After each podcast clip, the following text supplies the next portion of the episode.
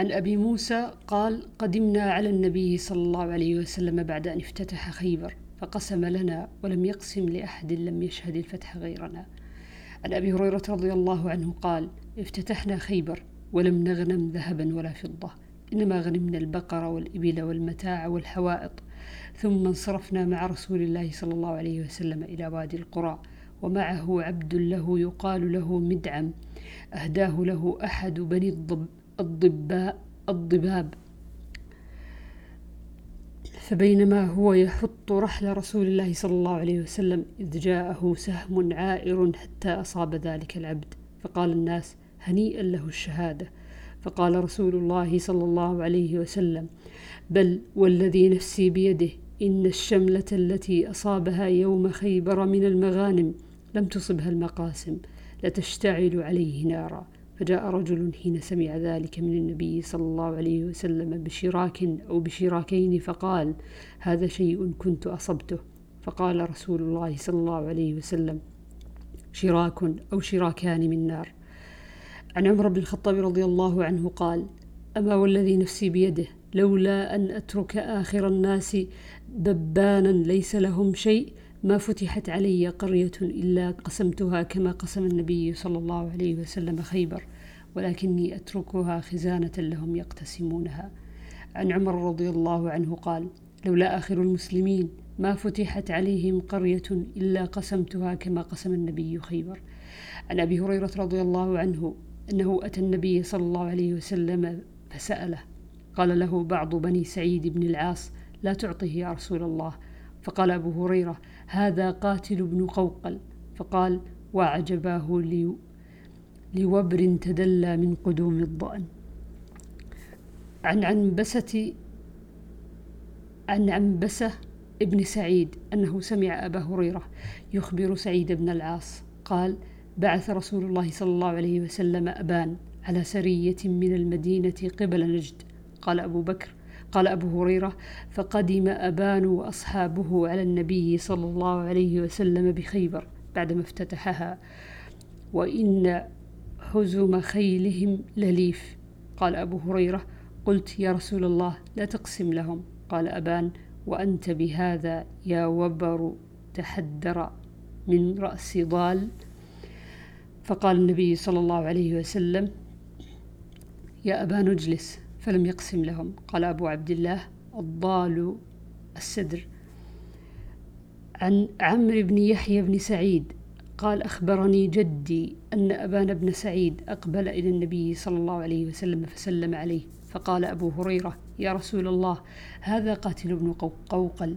وقال أبان لأبي هريرة وعجبا لك وبر تدأدأ من قدوم ضأن ينعى علي أمرا ينعى علي امرأ أكرمه الله بيدي ومنعه أن يهني بيده. عن عائشة رضي الله عنها أن فاطمة عليه السلام بنت النبي صلى الله عليه وسلم أرسلت إلى أبي بكر تسأله ميراثها من رسول الله صلى الله عليه وسلم مما أفاء الله عليه بالمدينة وفدك وما بقي من خمس خيبر. فقال أبو بكر إن رسول الله صلى الله عليه وسلم قال لا نورث ما تركنا صدقة. إنما يأكل آل محمد صلى الله عليه وسلم في هذا المال.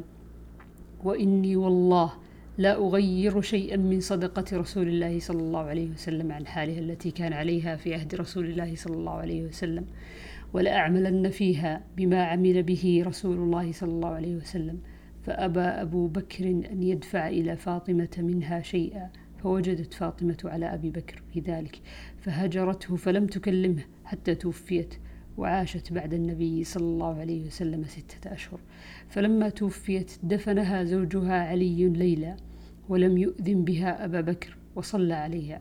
وكان لعلي من الناس وجه حياة وكان لعلي من الناس وجه حياة فاطمة. فلما توفيت استنكر علي وجوه الناس فالتمس مصالحة أبي بكر ومبايعته ولم يكن يبايع تلك الأشهر. فأرسل إلى أبي بكر أن ائتنا ولا يأتنا أحد معك. كراهية, كراهية ليحضر عمر. فقال عمر لا والله لا تدخل عليهم وحدك. فقال أبو بكر وما عسيتهم أن يفعلوا بي. والله لآتينهم فدخل عليهم أبو بكر فتشهد علي فقال إنا قد عرفنا فضلك وما أعطاك الله. ولم ننفس عليك خيرا ساقه الله إليك. ولكنك استبدد استبددت علينا بالأمر وكنا نرى لقرابتنا من رسول الله صلى الله عليه وسلم نصيبا. حتى فاضت عينا أبي بكر. فلما تكلم أبو بكر قال والذي نفسي بيده لقرابة رسول الله صلى الله عليه وسلم أحب إلي أن أصل من قرابتي. وأما الذي شجر بيني وبينكم من هذه الأموال فلم آل فيها عن الخير ولم أترك أمرا رأيت رسول الله صلى الله عليه وسلم يصنعه فيها إلا صنعته. فقال علي لأبي بكر موعدك العشية للبيعة.